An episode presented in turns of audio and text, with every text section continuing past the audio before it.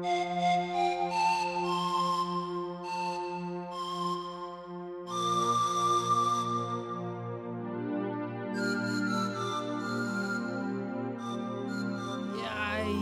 Jæja, Óli minn. Gott að sjá þig. Sömulegis Og verið þið hinn velkomin í þáttinn á með á nótunum. Velkomin krakkar. Og uh, já, hvað segir Óli? Ég er bara fín, ég er rosalega hræs Er það? Ná- Ertu rosalega ræs? Já, ég er fín sko. Ok, ekki, ekki Pínu, bara, pínu þreyttur En Ekki, ég meina, þú veist já, já, já, já. sunnudagur. Sunnudagur. Við kíktum út á lífið í gær. Þegar þú varst að spila í gær. Heldur betur maður. Ég var að spila á bara ananas og þar var ég fenginn til að spila og ég held að væri DJ búr og svo kem ég á staðinn og það er ekkert DJ búr og ég bara á barnum og ég bara fór í mega kvíðáli Akkurru? á hverju? Eh, Þú veist, það er heimsfaraldur. Það er COVID í gangi. Ég veit það. Mér langar ekkert að vera í, í hérna í, bara á almanna færi svona, og í bara í svona miklu návi við homo sapiens. Ég hef engan áhuga á því. Engan sko. Ok. Þannig að uh, ég ætla ekki að ljúga þér. Mér krossbrá þegar ég kom á staðin í gær og sá svona hvernig aðstæðan var ég var bara, eins og ég segi Óli minn enn og aftur ég veit ekki alveg hvað ég gert ef þú hefur ekki verið þarna sem svona human shield og svona smá svona stika milli mín og, og, og þú veist þú basically varst svona sást til þess að- svona, já, Að það var allt í góðu með þig ég meina fólk er að panta á barnum og mér er bara ekkert vel við ókunnugt fólk akkurat núna sko. Ok. Ég meina mér, ég var það aldrei til að byrja með en guð minn almatur En var það meira eftir að COVID Óli, segja það? I have changed a lot. Ok. Þú veist, já. Og ég er bara komin á þann stað, eins og ég segi ég er bara búin að vera að vanda mig allan mm Mhm. tíma og búin að vera bara að í þeim mínu tíma hérna heima og með mána og bara A og B og spritta og you know the drill. Mm og uh, ég er komið inn á það í þættunum hérna áður og ég bara kem, ég skal komið inn á það aftur Óli minn. Ég hef engan áhuga á að stíga inn fyrir hérna djamsinstir, skilur yeah. og vera bara innan um fjöldan, fattar við? Já. Fjöldasamkomur afþakkar, pent. Þannig að ég, hérna, já, mér, þú veist, þannig að ég var að stíga í bara aðstæður sem ég er ekki búin að vera í bara í mjög langan tíma og þetta eru aðstæður sem ég er búin að vera að forðast. Þannig að ég fór í kvíða. Elsku En þú stóðst þið ógeðslega vel, Takk engilli minn, ég bara reyndi Ah. að gera gott úr þessu en þetta ger ég ekki aftur ángríns, þetta ger ég ekki Erum við að tala um DJ búr og, Já, og sprint já. og helst styrafur til, til, til að passa bara ég er náttúrulega komið inn á það? og ég held að væri DJ-búr það bara, next time I will ask for more info.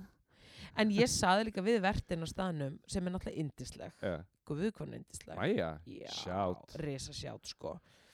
Ég saði við hana að þetta gengi ekki upp. Sér frá mér og mínum kvíða Ja. þá svona til lengri tíma litið væri þetta alltaf dýrt pláss fyrir hana sem rekstra aðal, aðila Ok, að vera að hafa mig með eitthvað flenni græju á skilur, hún á, þú veist væntalega gengur þetta út að selja vín og, og, og, og glús, gengur. skilur að glussa þig í gang, skilur Aha. það getur ekki, þú veist, það gengur ekki upp að ég sé með eitt fjórða af, af Vestlunarsvæðinu þannig ég sagði skuttlaði DJ-búrun í hotnið og, og ég var bara strax komið með interior design hugmyndir, sko Ok, sem hún tók bara mjög vel í. Og allt út frá svona bæði skemmtanar og, og rekstra grundvelli og, og sjónamiðum sko. þannig að hún var algjörlega að sammála mér þannig að hún var bara alltaf að fara í máli strax bara Monday morning sko. ok, betur, og hvaða hugmyndir komstu með fyrir hann? bara bú- einmitt búið að hafa DJ búið að hafa aðstöðu og, og ef þetta á að vera eitthvað skona rúlum hæ staður Uh, að búa til þannig hérna, aðstöðu það geti orðið dansgolf og ég er náttúrulega ekkert nema viskan þarna á reynslan sko. Millum ekki reynslan. Þú veist hvernig þetta er ég þekki það Já, Ekkert, hókin í hókin sko. Já. þannig ég var bara að koma með sko, hugmyndir fattur um mig. En ég, mér fannst þetta en ég segi, þetta var rólegt kvöld thank ja. Mm og uh, þannig er rétt slapp en þannig er rétt í lokin Já. rétt fyrir lokun sem var þá að verða tíu ja. sem er þá bara hvað, ég menna, hvað myndi Það það er flokkast undir svona venjulega, drikjulega séð Drikkilega séð svona Svona venjuleg ef, ef þetta væri venjulegt jámkvöld, myndi ég segja að það væri svona þristurinn þristurinn, jafnir fjör. Já, og ég þurfti alveg að byrja þetta mann og segja bara vinsalast farði hinn með við stólinn og pantaði bjór. Ég bara ekki. Og svo var fólk hann að knúsa mig náttúrulega eins og venjulega. Já, já. maður heyrir að það er ekki allar hlusta á þáttinn. Nei, því miður, ég, ég vildi óska þess. og ég var bara í því, veistu það Óli? Oh my god, ég ætla ekki aftur þannig út á þessa galið sko. Bara ég kíkti, ég dýfði litlu tann úti nei takk En fannst þér ekki gaman að spila aftur? ég meina, Óli, sko mér fannst gaman að sitja þetta með þér Uh? og mér fannst gaman að vera þetta með þér en um, ég veit það ekki, Óli bara það, þú veist ég, það var alveg gaman að spila en þú veist, stór partur af því var að þú varst þarna hjá mér skilur Ok. um, ég veit ekki hvar ég er stödd í lífinu í dag en ég, mér stendur ekki saman sko. Ok. já, eins og ég segi Óli þú veist, það þarf að vera bara á mínu fósundum og þetta, ég þarf að heyra í dítjabókarunum, sko, hann hendi mér undir. En svo, málið, svo vorum við bara vinnirnir að gera grín og við vorum með story og ég var að repost og segja ekki koma og taka allt það skilur það var gaman en ég meina, eins og ég segi bara endilega komið, bara ekki knúsa mig ég þarf bara aðeins að jafna mig á svo öllu saman ha. Það tekur smá tíma. ég er að segja, svo væri ég bara komin inn á en ég vil samt ekkit knús ég held að það sé bara komið til að vera sko. Ekki knúsi bara mér finnst alveg. ekki gaman að knúsa fólk en því eins og ég segi, það er ekkit góð lykt á öllum sorry, og ég er svo lyktnæm sorry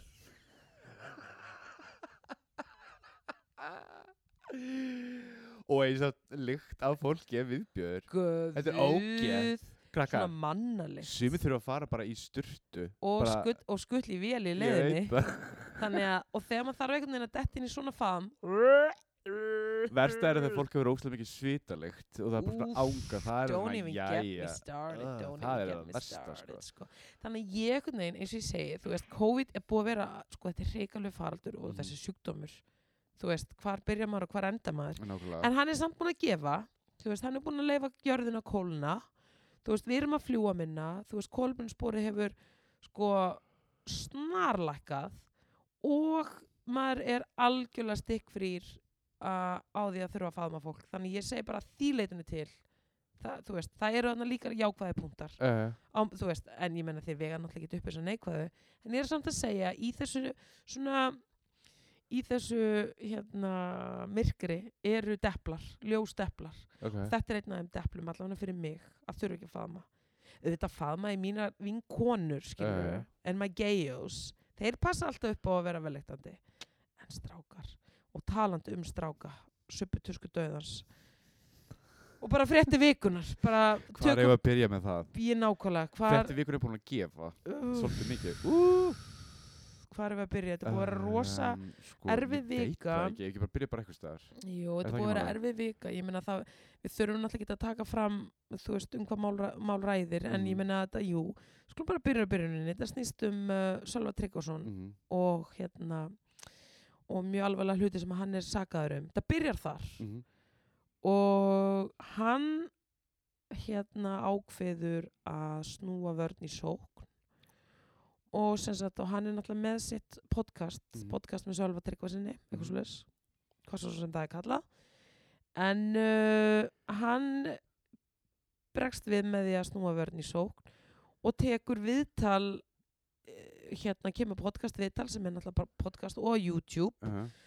sem heitir Millimerki slúðusaga og það er raun og veru bara viðtal sem hann tekur sig Og lögfrængin sinn. með hjálp lagfrænginu Mhm. sínum nú út frá þessu viðtali ef viðtal skildi kalla uh, þá bara verður atbyrðarás sem að núna við erum bara að horfa upp á glæni að mítúbylgjóli Mhm.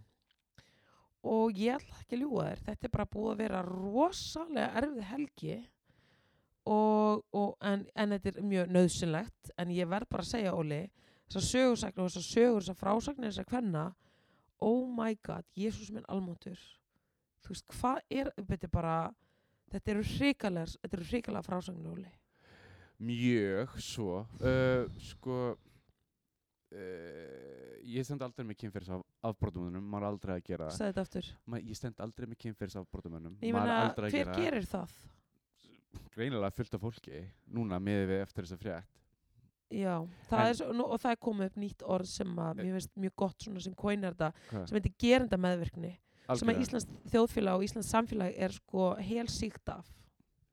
Myndur ekki að segja það? Ég myndi segja það. Og hérna Þetta var bara svo steikt sko vegna að kom svo ógeðslega fljótt með þetta og var að reyna að láta vorkina, vorkina sjálfsög sem að vissu leitið tókst. Menn ég, því ég horfði á þetta viðtal þá var ég alveg kannski ekki? En back of my mind þá var ég alltaf nei, þetta er eitthvað skrítið.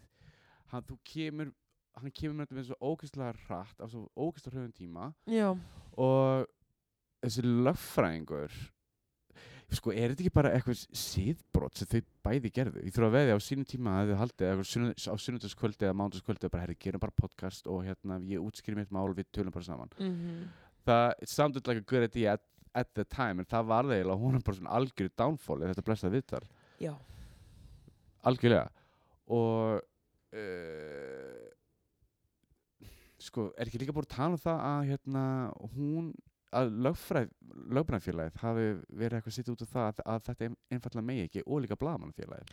jú, bæði blaðamannafélagið og félagalögumanna Já. eru búin að setja mjög stór spurningamerki við þetta viðtal Ok. uh, varðandi síðarreglur blaðamanna og uh, síðarreglur lögumanna.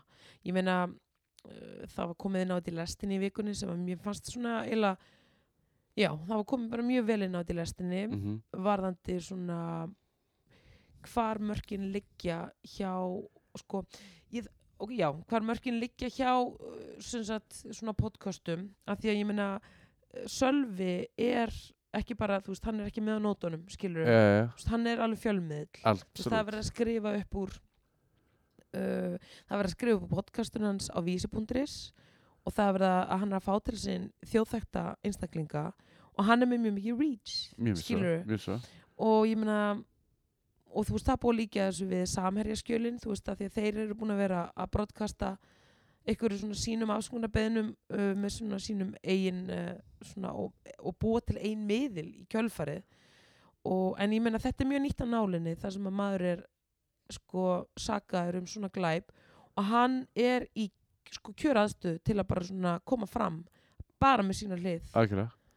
Þannig að þú veist þetta er alltaf alveg ofbáslega gráu svæði og ég meina fyrir ekkert svo löngu þá var einhver frá blaðamannafélaginu minni mig sem var á morgumæktinni að ræða að hvar í raun og veru þessu podcast sem þetta þetta pod, podcast þetta form, Aha. fréttaform er ótrúlega svona óbeislað form eins og komið er, þetta er svolítið vilt að vestri að því, og sérstaklega hérna á Íslandi Mm. að því leitunum til, þú veist, hvar hvað ábyrð var hérna, hvað ábyrð var þar. Algjörlega.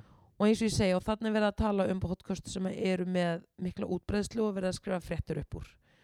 Þannig að, og ég meina og aftur erum við bara komin að því, þú veist. Og þá einmitt verið að segja svona, ok einmitt, hvar leikur ábyrð hérna viðmælanda og bla bla bla. Þannig ég held að í kjölfarið á þessu viðtali að þá svona verði tekið svo til föstum tökum á, á því öllu máli Mm en En hvernig þá? Fattur þú hvað ég meina? Hvernig verður, verður, að, tekja á? eins og til dæmis þetta bara að þegar þú mögulega orðin komin með hérna já, þegar podcastið er orðið svona stórt og það er bara orðið sem megin fjölmiðli Uh -huh. að þú þurfur að lúta ákveðnum siðareglum Uh -huh. skilur og þú þurfur að, að hérna, þú getur ekki gert hvað sem er fattar mig Skilja? mér finnst það fullkomlega eðlilegt og ég meina við sjáum það bara í dæmi Sölva að það er ástæðan fyrir því og ég mig grunnar að þetta sé kveikan að því núna að þetta verður tekið fastari tökum en ræðmaðis sko ég meina og hann bara stimpla sig út í Mhm. vikunni, hann fyrir nú geðdild Mm þú veist hann bara þólar ekki meira fyrir nú geðdild þannig að þú veist, við höfum ekkert meira heyrt af honum -hmm. en svo bara sprettur upp þessi glænýja MeToo-bylgja sem er bara uh, þetta er alveg svakalega alda af sögum og alveg bara hrikalega erfiðum sögum Óli. Og það bara, ég verð bara að spyrja ég verð að spyrja bara þig Óli Mm sem vin bara, þú veist, hvað er að gerast þarna með strákana? Og ég finna, þú veist og ég, eins og staðan er, akkurat núna í mínu lífi það á ég ekki, ein, það er ekki ein kona sem ég þekki sem hefur ekki orðið fyrir ofbeldi, me included. Uh -huh. Þú veist, hvað er í gangi? Ég Ég veit ekki hvað ég vil segja, satt að segja. En sko það sem ég held að þessi best er að strákar reyna að tala saman. Strákar reyna að finna út sín vandamál einar bárs. Þetta er ekki, sko, En ég ekki hvernig eiga þær að fara að því þegar þetta er staðan?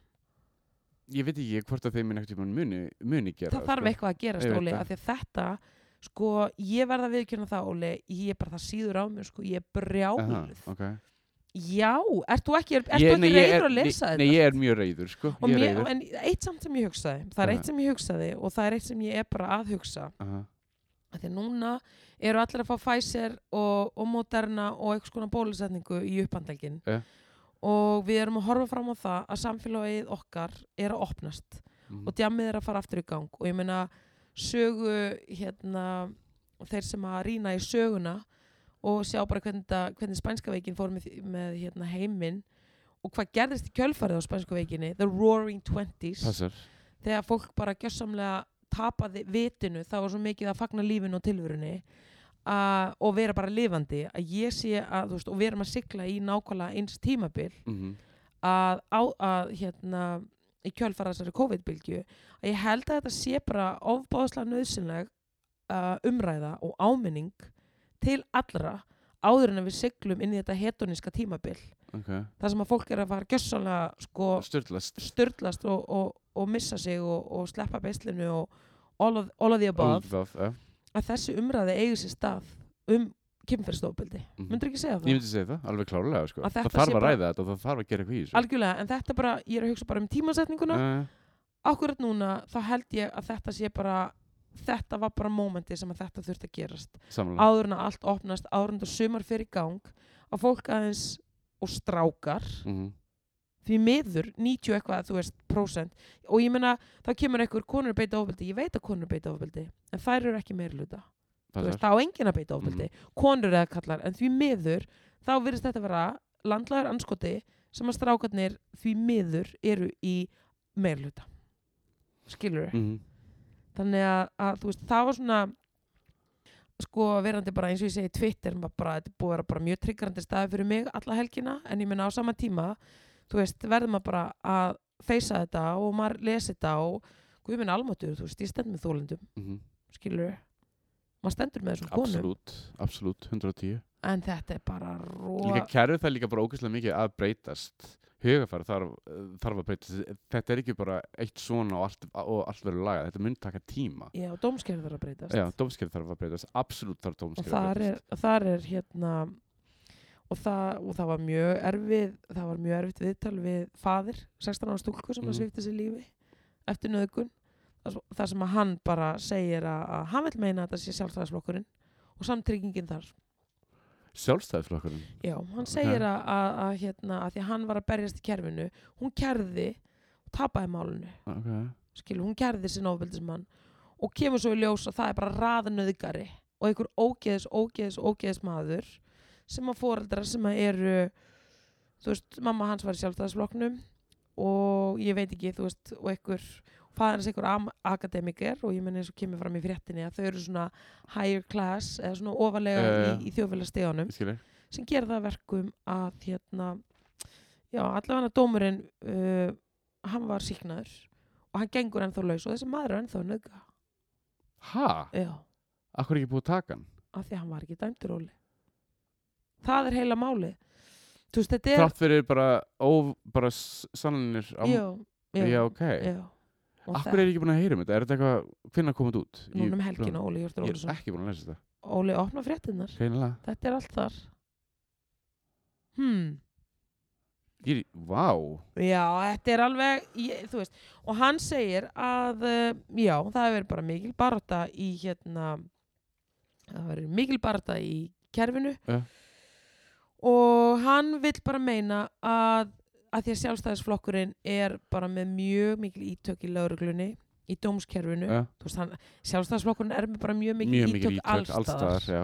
í stjórnsýslunni Mhm. sérstaklega, en sérstaklega þarna, fattar Mhm. og þarna, þannig að þú veist, ef eitthvað á að breytast þá þarf eitthvað, þá þarf að stíga þarna inn sko. ég er náttúrulega, ég er bara á kantinum ég er bara að segja, skilur eins og ég er að horfa á þetta, fattur Mhm. en það þarf eitthvað að breytast þar, myndur ekki segja það Ég myndi segja það vegna þess að líka strákar komast alltaf upp með þetta sem er fáralegt og strákar eiga stiðið miklu meira með stelpur og hérna vera meira til staðar og þeir eru bara að hlusta. Við eigum að hlusta. Ég, ég myndi halda að það nú var góð tími til að gera ég held það sko. Og það er eins og við lærum aldrei af reynslunum og hérna saman hversu oft þetta gerist þá eitthvað neginn fyrir alltaf tilbaka Já. sem er svo fárlegt Já, já. uh, það er eins og við viljum ekki bara vakna. Ég, ég, ég fatt Ég meina, núna er fólk að segja að ástæðan fyrir því akkur að við erum að, það er önnur bylgja í Ja. gangi, er að því að fyrsta bylgja uh, virkaði ekki nógu vel, uh, greinilega. skilur við. Fyrsta bylgja, mm, bara því miður. Sorry, við erum að fara í, í þetta erfiða og, og svona mikið dýpi Nei, krakka klá- mínir, klárum það bara en bara við erum bara að ræða þetta, Mhm. skilur við, þú veist. Og ég meina, en hvað hva með Sölva gerist, það verður bara komið ljós, þú veist.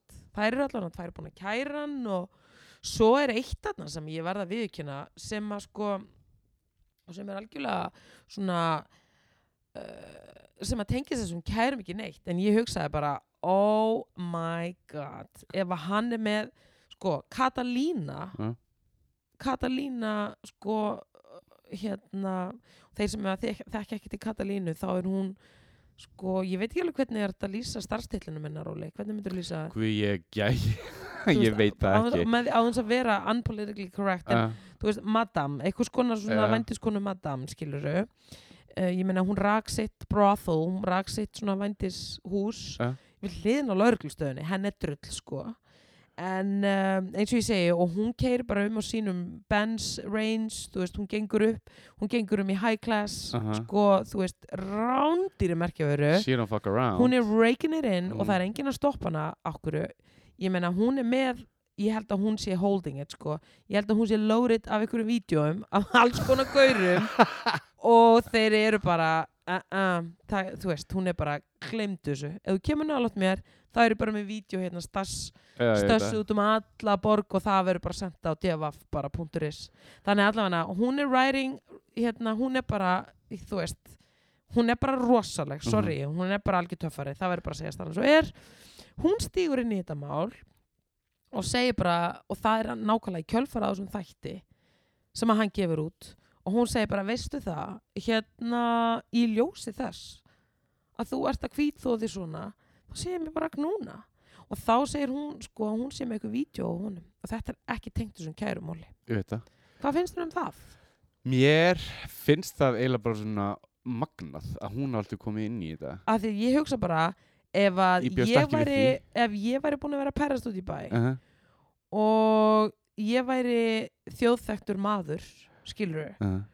og, og ég væri eitthvað að reyna að sem sagt, og reyna að afsaka mig og mína gjörðir svo myndi Katalína stíga inn og segja, jó, ég er með vídeoður og ef þú fokkin grjót heldur ekki í kjafti þá negli ég svo út í loftið. Þú veist það ég myndi tekka minn líka og geta deilt ég myndi gera það líka.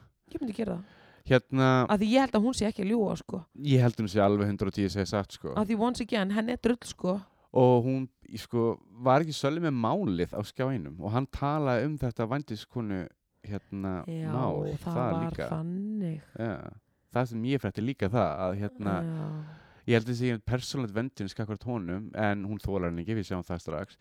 Og uh, mér finnst það bara mjög gott að hún komi fram. Mér, mér finnst það bara allt í góð að hún, að hún hafi gert að expósa þessi shit fyrir, fyrir, fyrir þeir sem þið eru. Já, já ég meina, eins og ég segi, þú veist, Óli við vorum eitthvað að ræða þarna mm síðustu viku og ég ætlaði eitthvað að fara að skella í stöð tvö áskrift, bara no need. Það er bara nýtt. þetta er bara, það er nýtt mál á hverjum einasta degi og maður hefur bara alltaf undan að fylgjast með sko, nýjustu vendingum í, í þessari sábóperu sko. uh -huh. En þetta er náttúrulega algjör harmleikur Þetta er harmleikur, því sko. veist, þetta er ekki til að hvorki hlæja af niður hafa gaman af þú veist, þetta er náttúrulega bara harmleikur og, og þú veist, það er, engin, það er engin sem er vinnur í svona málum sko. mm nema náttúrulega dómsmálunu þegar, þegar að því kemur Algjörlega. þá er eitthvað sem vinnur þar en annars ekki en það var annar, svona svo við förum bara vestanhafs, Mhm. þá var annar hérna sem að er í Vára, Hver er Há Ára? Matthew Perry eða Matthew Perry, eins og við kallum hann á íslensku herðu Matthew Perry Herðu, var ekki þannig var hann ekki að senda SMS á að unga, unga stelpu þetta? hann sem sagt var á stefnum, stefnumótaforritinu Ræja Ok. sem er svona Tinder fræga, svona sæta á fræga fólksins ah. og þú sækir um að vera þar og, og, og þú veist, þetta er svona, ég meina þú veist, eh, hérna Exclusive Tinder já, Fan- ég meina, þú veist, séð. Hollywood-stjórnir sem eru single, ég meina, það get ekki verið á Tinder uh, skilur, uh, það get ekki verið með pöpulnum, skilur að þá fara þar að ræja og það er aðra reglur að ræja. Ok. Og ég meina mótel og bla bla bla bla bla bla er að ræja, nema hvað? Uh, Matthew Perry mattsar við 19 ára stelpu. Ok. Að nafni Kate Harrelson. Og fljótlega upp úr því þá hérna um langar að taka fram að Matthew Perry er 51 hann er 51 hann er 51 ok Uh, mattsar við þessa 19 ára stúlku og mjög fljótlega upp úr því þá byður hann um að, að spyrja hann hvort að þau get ekki tekið samtali yfir á FaceTime. Ok. Og hún bara, jú, jú, tökum þetta yfir á FaceTime. Og þar er hann bara eitthvað, þú veist, þetta er COVID by the way. Uh, og þar er hann bara eitthvað bla bla bla bla, þú veist, hérna vilt ekki bara fá þér, þú veist, ertu búin að fara í bólusetningu, vilt ekki koma í heimsók og er bara bjóðin í heimsók, skilur já, og, já. Og er bara að vera algjör Matthew Perry. Herðu hún náttúrulega bara, þú veist og ég meina sko, hann, hann getur náttúrulega bara sjálfur sér um kent ég meina hún er að tala við Hollywoodstjörnu hún er að tala við, þú veist hérna Chandler og Friends. Ég meina auðvitað eitur hann og rekk auðvitað eitur hann og rekk og hún náttúrulega bara rekkar þetta allt saman.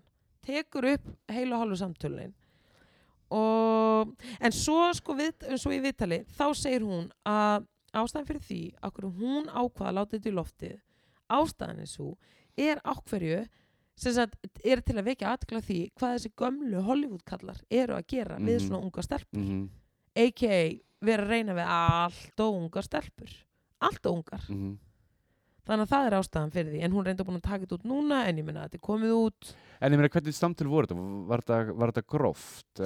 Ég, kom það fram? þetta var þú veist, þetta var, þetta? var bara basically hann að vilja sofa hjá henni Ok, skilur en ég meina þetta var, ég meina hvað kallað þú gróft skilur þú veist þetta var bara basically hann að vera perri ok. hann að vera Matthew Perry Hann er verið að maðurpæri? Já. og hún tók þetta upp fattar við, þannig að hann er í há- vára út af þessu út af þessu svaka aldurspili og ég meina skiptir, og ég meina eins og ég segi once again, það verðist ekki skipta máli hvort að þetta sé á Íslandi eða þú veist í Hollywood eða- eða Halifax eða Ian Mayen bara, bara, þetta er bara status þú ert á í því þjóðfélaginu breytir engu. Ef eitthvað er þá er eitthvað bara verra. Þetta er bara þú veist sko, já, ég veit ekki, það var líka ég er búin að vera að hlusta, eins og ég segi, ég er búin að vera að hlusta á bara alla vikuna á fólk vera að ræða þetta. Já. Og fræði fólk líka vera að ræða þetta og, og fólk sem er að hérna eins og ég segi, bara kemur alls kynns stopnunum og, og, og þetta hefur alltaf verið svona minn grunur sem var náttúrulega bara staðfestur og ég menna, þú veist, og það er bara partur af hérna, og var partur af umræðinni og ég hugsa, þú veist, ég hugsa bara á hverju eru strákar svona, á hverju koma þeir svona fram við konur? Klám. Hvernig, þú veist, Já. klám.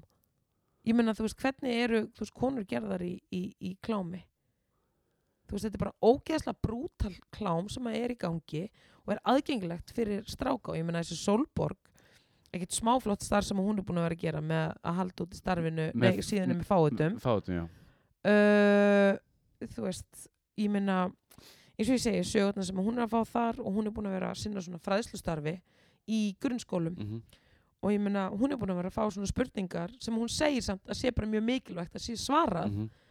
Og það er bara svona ótrúlega heiðaleg spurning bara, hæ, bara Rúnar Freyr áttundi bekkur er í lagi að kirkja konur? Og hann er bara, æskilur Mm bara nei Rúnar, það er ekki það er í ekki lagi læg það er ekki í lagi að kirkja konur. Ok, þannig að þú má ekki þá tjóka með að taka æskilur, þú veist, þeir eru bara um leið þú veist, þeirra kynfræðisla er bara brengluð. Mm -hmm. þannig að þú veist, ok, klámiðnaður, klámiðnaðurinn. Það þarf eitthvað stórt að eiga sér stað þar sko myndur ekki segja það? sko, þetta klám sem er hérna úti, þetta er brutal shit þetta er hell. ofbeldi. Þetta er ofbeldi. Uh, mm, jú, það þarf klálega eitthvað að gera í þeim málum. En eins og segi, sko, bara eins og segi áðan líka hvað þarf að, hvað þarf að gera? Það er oft sem ég fatt ekki oft, hvað þurfum við að gera til að, að þetta læst við sem fólk? Ég myndi náttúrulega vilja bara útrýma svona klámi ef ég Mm. mætti það er þetta um allt klám? Svona brútal klámi bring back the 70s style klám skiluru þar sem að þú veist, fólk var bara, þú veist, það voru leiknar myndir og, og eitthvað svoleið Ég skiluru, skil, ég þú veist bara þannig klám aftur Já, eins og, hendarklám, það er ógæðislega þess að ég að minni séð. Ég, t- ég horfði þessu tíu, sek tíu sekundur að þessu, Hvað er ég, það? ég gafst upp. Hendarklám er klám þess að þú ert basically að hefna einn á, þú ert bara eiginlega, þannig sé bara aðnöðga. Er þá að taka upp eitthvað skonar hérna, býtu, ha, hvað er það að segja? Hendarklám.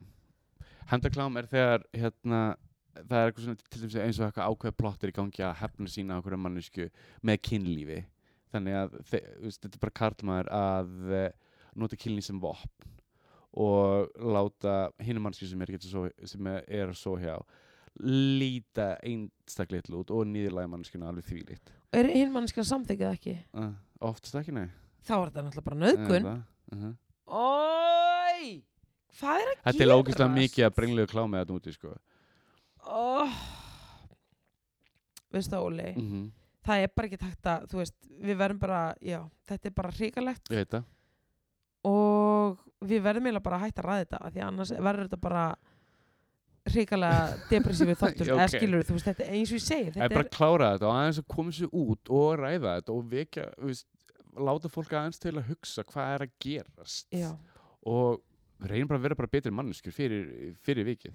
en ég ætla samt að segja að þetta er jákvætt þetta er erfitt að horfa á þetta nei, ég segi já, það er erfitt að horfa á þessu sögur það er erfitt að lesa þetta en þetta er samt jákvætt Óli Samlar. þetta er jákvætt, þetta er að koma på yfirborðið það er að eiga sér stað umræða það er að eiga sér stað þörf umræða og hún er komin upp á glænýtt level og þetta er alltaf að, að aukast segja þú veist, umræðan er alltaf að, að þróast Mm og hún er núna komin á nýtt level, nöðsynlegt level þar sem að, að hérna að komin eitthvað skona þingdi í þetta sem ég hef aldrei sjáður -hmm.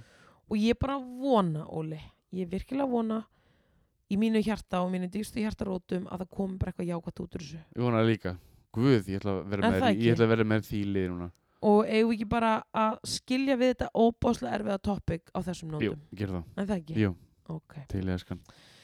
En uh, að öðrum og aðeins léttari málum, uh, þú saði við mig í síðasta þætti Mhm. að Mark Wahlberg hefði fitnað. Herðu, ég ætla einmitt að tala um það. Takk Þóruldur Ásmund, Stitta Smith. Já, sem sagt, uh, hann er búinn að fitna af ástöðu, af því að þegar þú saði þetta við mig, þá hugsaði ég, vá hvað það er ólíkt honum Mark mínu Wahlberg að hleypa sér svona í spekettur og bingo, af því að, þú veist, hann er búinn að vera að halda í lóðin bara síðan hann komst í tæri við þau. Uh, þú veist, early 90s þannig ég hugsaði, það væri, þetta er svo ótípist eitthvað hann að hérna, að eitthvað hlaupa, hleypa sér í spik ákvörð núna, á þessum síðustu vestu Nei, hann er að undirbúa bíómynd. hann er að undirbúa bíómynd. Hann er að undirbúa sér fyrir hlutverk sem heitir Stew. Og okkar maður er að borða 7000 kaloríur á dag Ég bara samt að taka það fram, fréttina sem ég las, þá var það, þá fylgdi þetta ekki með að var að gera fyrir, fyrir bíómynd, sko. Ná, En þetta var náttúrulega tengt líka, þetta var mega clickbait, þetta var líka í tengslu við fréttina með Will Smith, þar sem hann kemur á Instagraminu sín og segir hann aldrei verið í slæmi sem formi. bæði og er líka að fara að leika í bíómynd og er að fara Mhm. að komast í toppform eftir Mhm. korter þannig að en mér fannst sko en svo sko hérna því ég, ég fór hans að kynna mér þetta því ég var alveg ymmit því eins og ég segi, mig gruna að þetta var eitthvað þarna, Yeah. skrítið. Þegar- að því ég hugsaði, þetta stemmer ekki með mark sko. En hann þarf að borða 7000 kaloríur á dag að því hann þarf að þingjast um hvað, eitthvað 15 kíló á bara meðtíma 7000 kaloríur. Já, og það er bara uh, eins og hann þú veist, að því ég hefði hugsað bara bring, bring in the good times Uh. let the good times roll in, sko Aha. en bara þannig að þetta sé ekki, sko þú veist, þannig að hann bara fá ekki sigur sig í tvö þú veist, ef ég fengi að borða 7000 kaloríur á dag, þú veist, þá myndi það enda í diabetes 2, 2 skiluru Fyrir allan peningin. Já, en þú veist, í ljósi þess að hann er að gera þetta svona aðeins öðruvísi og ekki að uh, vinna með sigraðar einingar Aha. mikið að þá er þetta rosa mikið, þú veist, ég meina gaurin er að bara 12 egg á dag það er tilft, Aha. skilur við Það er heilt bakki. það er fokkin bakki bakki og sem til að mynda fattur veist, Eh. hann er að borða alveg ógeðislega mikið og þú veist, er, þú veist borða basically, hann er að vakna nóttunni til að borða, áður hann fyrir að æfa lifta, þú veist, hann er að negla í sig alveg þang til hann fyrir að sofa og svo bara, eins og hann orða bara það er ekkert skemmtilegt við þetta, þetta er bara hrikalega erfitt sko, þannig að þetta er alveg erfitt að fyrir hann, þú veist, og hann er að borða já, já. Hann er að borða, þú veist, hann er með svona enga kokk sem er að elda onion, þú veist leafy greens og kjöt og þú veist, það er verið að raða saman samsetningum og, og ég hugsaði bara, uff, ég myndi nú ekki nennan þessu matsæli, ekki hverju meðansta degi. Ég myndi löfa þetta. Já, 12 ekk á dag. Me up. já, 12 ekki bara brot sko. Aha. það er miklu meira inn í þessu. Ég er að segja, hann þarf að vera neg þú veist, það er ógeðslega mikið sem hann þarf að vera að borða. Hann þarf að vera að borða þryggja klukktíma fresti. Máltíð, Máltíð að þykja Vá. Já. Þannig að hann er að fá svona heilbæraðfytu eins og til dæmis avokado já, þú veist, hann er borða kjöt hann er mitt, það, já, já. þú veist, það er verið að raða onían sko algjörlega, þú veist, kjöti kolvetni, bla, Ok, þú ok, veist, ok. hann er ekki að vinna með Dunkin Donuts og, og hérna Krispy Kreme og, og Huppuvís og skiluru, þú veist. og Ben Jerry's. Nei, það, það var ekkert svoleiðis á matselinu sko, þú veist, þannig að hann er bara að vinna með mat. Og ég hugsaði, oi, hvað það er leðilegt myndi ekki nennan svoleiðis síðan skalur ég Ég er þetta að vera alveg geð til, já. Ok, En hérna uh, kom eitthvað fram veist, uppskriftir eða eitthvað mötum? Mötum? Mötum. Ég sagði mötum. Já, Ég sagði mötum. ok, sorry með mig. Eða svona uppskriftir Hérna, ég er búinn að fitna eins og ég var eitthvað pínu ekkert ekkert sérstaklega sáttu með það. Oh. En núna er ég eitthvað svona, ah, ok, ok. Já, ok hérna, ég var komið pínu bumbi, hún er eiginlega farin sko, en mála það fyrir, Natalie, í fyrra, ég var svo grannur mannstu Já. eftir mér í fyrra, ég var eitt stórt prik, ég var að rinja þú varst Óli Prek, ég ætla ekki að ljúga þér. Natalie hvað er að þér? you said it. I did, en sko uh, ég líður ykkur einu ógeðslega vel að hafa fitnað. Þú lítur, þú lítur ég líð sko, miklu betur út sko. Bara, já, ef við þú síðastu það, sko, en náttúrulega ég vann sko, ég vann og ég vann og ég vann og ég vann. Ég var að opna bar og ég borði alltaf á hlaupum. Ég sættist aldrei niður og ég, og ég borði sko dagur minn byrjaði þetta var alltaf mikið Óli og minn var alveg til tíu á kvöldin sko. já, já, þú varst Og- alveg markaður, þetta leiti ekki vel út. Ég veit það. En hérna þess vegna er ég segja bara mjög að þegar þú ert að borða borða vel, uh, setjast niður njóta matsins, ekki borða á hlaupum. Uh, þú er verður- bara ég- ég veit það.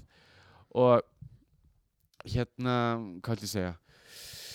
Njóta matarins uh, vera með sjálfur þegar þú ert að borða og bara vera in the moment. Já, já, líka, þú veist, líka það, það er, mér finnst vera algjör miskilingur að, að, þú veist, að vera mjóri málið, bara Mhm, nei, nei. vera heilbreyður málið. það, Það er það sem það skiptir öllu það máli. Að því, þú veist, eins og ég segi bara, ég er svona, maður er oft verið bara eitthvað, úff, ah, er þetta nóga málið? Eða skilur þú veist, uh, ég meina maður veit náttúrulega ekki hvað er í gangi á viðkomandi, en þú veist, eins og ég segi, bara, food is medicine, medicine, that's all I'm saying. uh, En við vorum líka að tala um hérna krokkskona. já, sem að hérna Bieber gaf hérna Heyrðu Beckham það- Já, og það er bara komin tilkynning frá Crocs fyrirtækinu og hagnaðurinn er bara búin að tvöfaldast. ha, Hagnaðurinn á Crocs er búin að tvöfaldast þöks Gen Z og Justin Bieber. Og það er svona collab eins og til dæmis, ég meina Just, Justin Bieber hann er náttúrulega línu ja, og Crocs er búin að vera að vinna er, og er búin að vera með alveg bara svona brjálaslega vafasum collab eins og KFC er búin að vera með Crocs collab. Það er nú með því ógeðslasta sem ég er hef séð það á tala um æfiminni svona kjúklingakroks kjúklingakroks svona djúbstætti kjúklingar ég, djúb stektir kjúklingakroks Ég- veistu það ég held ég ég, er þetta ekki á- aldrei! Ég sá þetta á greild og ég sendi þetta á? Karamel vinkunum sem átti kjúklingarstað út á Spáni. Jésús og þetta, þetta var ógist dyrst og þetta er bara nasty. dish já ég limit dish og kjúklingakroks og allt að vera vittlaust og, og þeir voru þetta að segja bara að, afkomusbáin er bara rosa fín og, og bara nýjastu tölur opáslega fínar þöks í svona samstarfi ég hugsaði bara, veistu það kroks er á uppleið sko þeir eru að trenda hjá Gen Z ég neita því Ég er að segja þér það, hluti, tölutna tala, Óli minn. Í Ég veit ekki um þetta, annað en bara tölutna tala. þetta er doesn't lie Þannig ég ætlaði bara að segja þú veist, Crocs eru með comeback og bara, it's official. It's official. Ég veit ekki hvað ég hef að segja. Finnst þér krokkskór vera, vera fallið bara svona prívat og pe mér finnst það mjög ljótu skór. Mjög, Nei, ég mjög. meina, þú veist, sko, ég veit það ekki, ég veit það ekki, ég bara, þú veist, ég- Júla ég- Einars á kroks auðvitað á Júla Einars Crocs. ég meina, ég kefti svona handa ömmu á svona tíma og ég Já. meina, þú veist, ég hugsa ég meina, þetta er rúglega næs að vera að hoppa í sturtu eða eitthvað, þú veist, ég veit það ekki en Mhm. svona ég ætla að setja bara stórt spurningamerki við þetta, við þessi kollab þannig og með þetta kjúklingakollab jésús, ég ætla bara að fá að segja cancela það fyrir mitt leiti sko. Ég var alveg til í að pröfa þessa kjúklingakroks bara Ok. svona for the fun of it ég segi bara you do you en ég ætla að vera að vopna myndavélinni og djóð skal ég dundra þessu á netti taka þig og KFC og Crocs þú Oh gerir það. God. Já, Þetta já, er alveg já. nasty Lappandi ykkur kjúklingakroks En Þú- mér já. finnst það fyndið Mér finnst það fyndið. Já, þetta er alveg funny. Þetta er ógeðslega funny. En ég myndi ekki gangi þessu, ég ætla bara ekki að ljúga þér. Er, það, það voru ekki eitthvað fleiri kollab Mér fannst þess að ég sé eitthvað svona jú, stál jú, þú veist Post svona- Malone og eitthvað rappararugl og Post Malone líka? Já, já, já, já, það er alveg alls konar. En Þe- ég ætla bara að segja, it's a thing. It, Þannig- it is a thing. Þannig að þeir eru coming in hard they're Crocs. coming in hard, já Ok og talandi um annað comeback uh, það eru viðræður um uh, framhaldsmynd Uh. um framhaldsmynd á mynd sem var gerð fyrir nokkrum árum og það var myndin uh, um spæskorsljónsutina hvað finnst þú um það? Mér finnst þetta bara indislegt Mér líka nefnilega Ég fílaði Spice World myndina ég líka nefnilega Fyrst getur sem ég sá hana þá var ég bara hvaða mynd er þetta En maður þarf að horfa hana aftur og aftur Þá svona Algjörlega. byrjaður að fíla hana sko. og þetta er, og svona, þetta er ymmit nákvæmlega gaman að skuli segja þetta svona Mhm. aftur og aftur af því að þetta er eina af þessum kveikmyndum sem að sko eitt skipti er bara þú veist, það er bara byrjunin, skilur Mhm. af því að svo bara horfa hana aftur og þá bara kemur eitthvað nýtt og þetta er bara svona mynd sem heldur áfram að gefa skilur En ætlar allara að vera með sko, þær eru allan alltaf búin að segja já nema Victoria er erfiðust Já nema að það er eitthvað svona verið að reyna að hérna fá hana til að, að taka þátt sko. Ok veistu hver er umbyrð þeirra í dag? Hver? Jerry Jerry Ginger Spice hún er hann umbyrð þeirra Er Ginger Spice orðin umbin? Já. umbyrð, Nei. Jú hún er að umba bandið í dag. Veistu það, ég viss alltaf að það var eitthvað við Ginger Spice. Já. The tables have turned. Hún er bara komin í einsta ring og er bara að, tói í alla spotta og er núna að tói í kvikmyndaspottan. Og er að reyna að fá þess að kvikmyndan elda í gegn. Ég meina þetta er alveg mómentið. Þú veist það er mega 90s alda í gangi. Mega. Og ég held að þetta er það eitthvað sko. Og ég meina þú veist ég held að þetta sé nú fátt um fína drætti á stelpunum ef þú speak skilur þau þetta baby spice sé ekkert eitthvað reikinirinn sko og sporty. Nei, og ég ég, síðast ég vissi er Scary Spice bara í fjárhagshalla eftir þarna Daddy Murphy æfintýri og, og, og, og hennar síðasta mann ég það meina- var eitthvað hallaður skilnaður þegar hún og Eddie voru, að voru að skilja. Nei, þetta sko, máli er að hún og Eddie eignum spatt sem að vildi ekki gangast við. Ja. ok, brekka. S og, en svo náttúrulega bara já. f- DNA-próf, boom, þú ert pappin borgaði meðlag, douchebag svo kynnist þú manni sem er sonur hans Harry Belafonte sem heitir douchebag Belafonte. Því hann gekk í skrokka okkar konu. Ha? yes, hann var bara algjör ofbeldis ógeð og ofbeldiseggur og hún bara var á hlaupumyndanunum og það var ofbeldis samband sko. Ok. Sem hún hefur alveg tjáð sig um og, og hún var bara lengi að jafna sig á. Þannig að elsku Íslandsvinurinn hérna, hún Scary Spice Mhm. hún hérna er bara búin að vera eh, þú veist, eiga bara erfitt uppdráttar en hún reyndar var að taka þátt í, í svona hérna æ, hvað heitir þetta sem hann Simon Cowley með uh, hérna, America's Got Talent eða já, Idol. hún var dómar í einhvers var, konar já, hún, var dómari held Já, ég það já, í, já, í vera í- Talent, jú. já, hún er búin að vera í einhver svona dómarastöðu Aha. en ég menna veist, þetta er ekki að borga held ég sko, þannig að ég held að þess að, þær eru allar down for that shit. Nema þú veist, Victoria hún er náttúrulega bara með sínum David Beckham. Hún hefur það fínt sko. Já, hún er ekkert að kvartaldi, ég held að hún hafi það þannig að hún er, sko. er ekkert eitthvað skiluru, húlum hæ. Ég meina það er húlumægi á henni, skiluru, day in, day out. Þannig að, þannig að það er eins og ég segi, þannig að þetta strandur á henni eins og staðan er núna af því að hún er ekkert eitthvað svona fjárhagslega bundin eða skiluru, ég skilji, hún er ekki halla. Hún þarf ekki að gera þetta. Nei, en uh, eins og ég skil þetta, þá Ja. er hún Ginger Jerry. Ja. hún er eitthvað að- wheela og díla og reyna að fá okkar konu til að vera með. Hún verður náttúrulega að vera með. Þú getur ekki haft Spice World. Eiginlega ekki, að hafa Victoria. Ég er að segja það. Þannig að hún, þær eru eitthvað að reyna að dobla hana sko. Ok, þannig að við sjáum bara hvernig það fer. Má ég spyrja eina, eina spurningu? Uh, Sporty Spice hefur þetta fengið svona gay vibes frá henni? Já big time. Er það ekki? bara frá byrjun sko. Komið mjög mikið, ég meina þetta tattu og upphandleglum, ég var bara girl. Þegar hún var eitthvað að fara, þú veist, þegar, þegar hún var kent við kallmann, ég var bara, Nei, þetta lítur nú ég hugsaði bara, þetta er falsfrétt. Fake news. Þannig að, já, ég hef alltaf fengið alveg blúsandi gay vibes frá henni er sko. tjóka mega? Sástu mig eftir mann þegar ég var í hérna Spice Girls dræginu þegar ég var með strákunum ég var í. Svíþjóð ég var út í Svíþjóð að spila.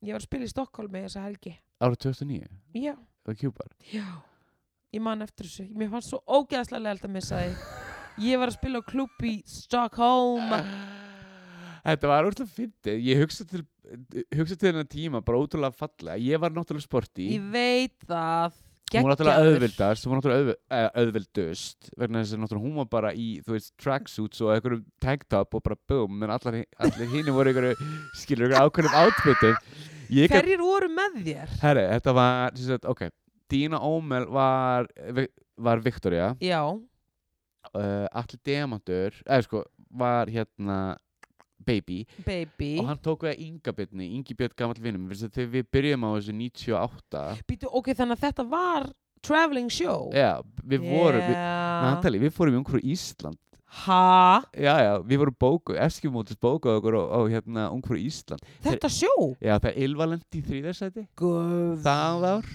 Sjárat á Ylva mín. Sjárat og Ölfu en við vorum á Broadway og hérna, við, það voru við og síðan kom Subterranean og Sjón var hérna, þetta var úrstu fytta og Sjón var kynnir Var þetta ungurísland.is? Úsli, passar, þetta var 98 og ég held að Ylva hafi verið 15 ára Óli, eitthvað. 98 Jú, eða 98, Já. þá passar það hún var mjög ung þegar hún, hún, hún liti þriðasæti, Dullan oh, og við vorum þarna, our God. stuff og hérna tókum tvö lög Hvað lög tókuðu? við tókum hérna auðvitað Spice Up Your Life og gerðum dansrútínu og vorum með danskennara og allt sko Hver var ykkur dans? uh, hún hétt Rikka Rikka, mm -hmm. ekki Rikka mín nei, nei, nei, Nei. allt önnur, þú, þú, þú veist ekki hver þetta er en Ok. við auðvitað líka við sko gerðum mjög mikið spórun sjálf sko. Skjöldur var hérna Skjöldur Eifjörð Já hann var hérna uh, Jerry Halliwell og eins og Jerry Halliwell var í Girls þá var hann svona pínu yfir hópnum þannig sé skilur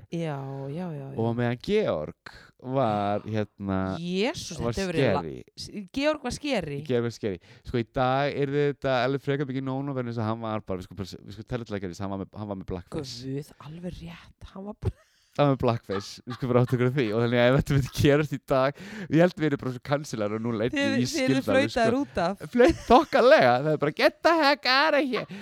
En við, sko við stóðum okkur ókslega vel við vorum ókslega flottir. Auðvitað. Og hérna ég Mér- mér þess að ennþá með svo smá dansmoves eftir Spice Up Your Life. Ég, ég get syngt þér eftir það vilt. Óli, Viltu? elsku Óli. Ha? Þú náttúrulega A tekur dansmúf og B Viltu please setja myndir af hópnum inn á Instagrami ég skal finna gera ég, hef, þetta er smá ég þarf að grafa en ég get fundið þetta. Dig deep baby. Þú verður já. að gera það.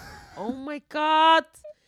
En ok, þannig að þið Já, þetta var upprunalega hópurinn. Já, þetta var uppbyrjum hópurinn.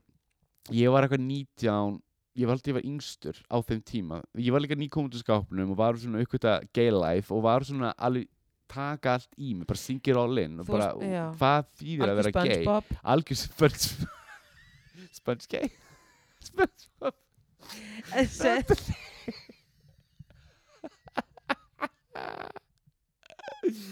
en þetta var ógeðslega gaman sko. Og síðan átti gerði þetta reunion 2000 2009 en Ingi var ekki alveg stuðu til að vera baby. Hann var svona outgrown it. Þannig allir allir allir debutur tók við þá. Wow og bara gerði með glæsu brag. Einmitt. þetta var ógeðslega flott í okkur. Yeah, That's what I heard. komið fullt af svona eldri homum til okkur og sagði bara þetta var besta dragsjós í æfinn sér sko finnst það það, við opnum sjóið með það að sko við vorum sko gamlar þannig að þú veist hvernig þið væri spæskus væri það voru 70 þú veist, það var sín brjóst og eitthvað svona Já. ógeðslega fullar þetta var ógeðslega flott í okkur sko við tókum þetta alla leið En ógeðslega gaman Mhm.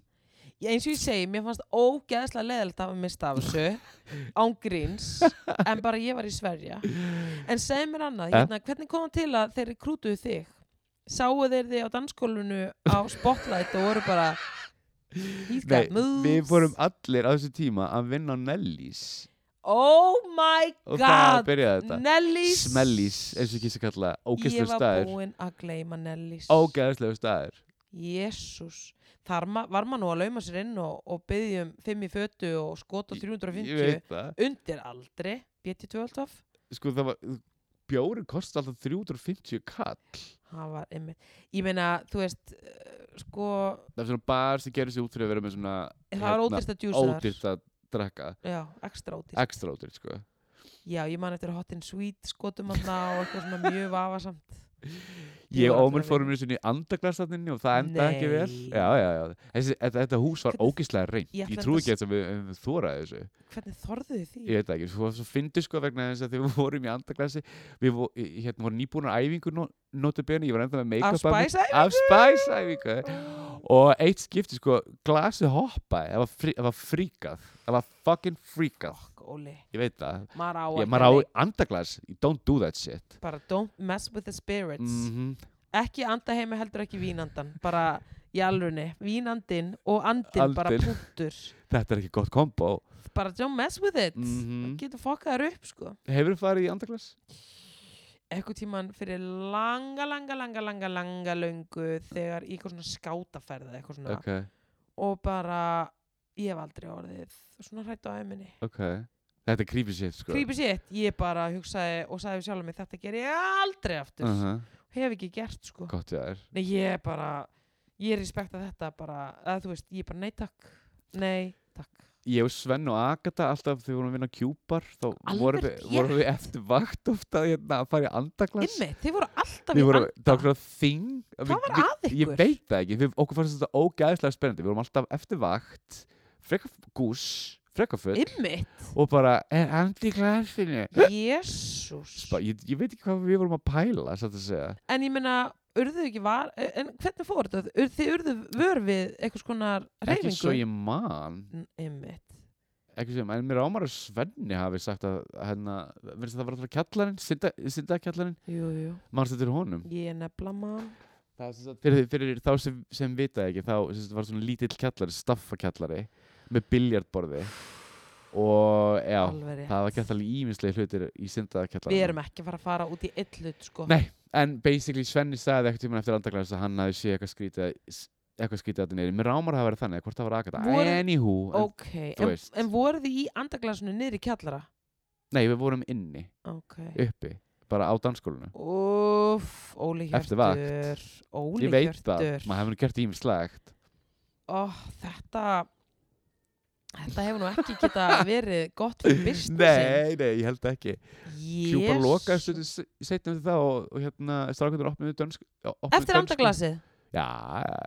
Ég hætti og strákarnir hérna sem áttu kjúpar ákveðu að opna danska því vorum við svo mikið draum í maðunum að gera svona danskan bar þannig að hérna, þetta var eiginlega bara svona það tímabili var eiginlega bara búið og okkar nýtt tók við Ok, ok, að sjálfsög, ég minna það er eðlilegt en Mm. samt sem aður en, en mér finnst einhvern veginn eins og það hef alltaf verið talað um að stæði einhver mannski hjá súlunni, það var súla Nei, á, herðu, ég var bara að gleyma því uh, það var alltaf einhver maður hjá DJ-búrinu ó, ég fær hrótt þarna hörðin, þarna ó, mill, ég var sko ekki að tala um það, ég var að tala um algjörlega hinum enn í salum, það var það sem ég var búin að heyra. Uh, það? Já. Ég heyrði í DJ-búrinu, það var alltaf einhver maður í DJ-búrinu er skrítið. Sko þú veist það Óli að þeir sem eru næmir Eh? næmir fyrir og, og næmir fyrir bara orku annara uh, og, og hérna og bara þeir sem eru sk- með svona skikningáfu og þegar þeir drekka Eh? þá verða þeir miklu aðgengilegri fyrir svona öndum og talningum svona öndum sem eru á sveimi og eru óhamgjusamir að þeir bara taki yfir líkama viðkomandi og sumir vilja meina að svona blackout enginni að þetta sé oft bara yfirtaka. Er það? Já, þetta hef ég heyrt. Og ég meina, ég, ekki, ég veit ekki alveg hvort ég að segja þetta, ég skal bara segja þetta upp átt ég var eins og stödd í Pólsen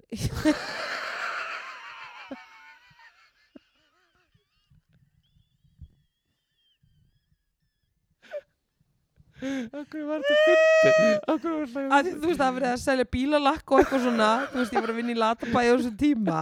Ok, Herði, þetta var rosa moment í Pólsen hvað skeið? nema hvað, ég er að kaupa ykkur sprautumálingu og eitthvað. Uh, þar er maður, starfsmaður sem er opast svona spes. Þú sérð alveg að hann er drumming to his own beat Ok, skilurðu. hann er ekki alveg eins og restina af staffinu skilur þú veist þetta var svona frekar alfa meil og hann var ekki alfa meil hann var bara bara Bara- spes, ok. sérstakur maður. Ofbáðislega indæll. F- Hversu gamall? hann var á svona miðumaldri Ok, hann hefur verið svona rúmlega 50 þarna.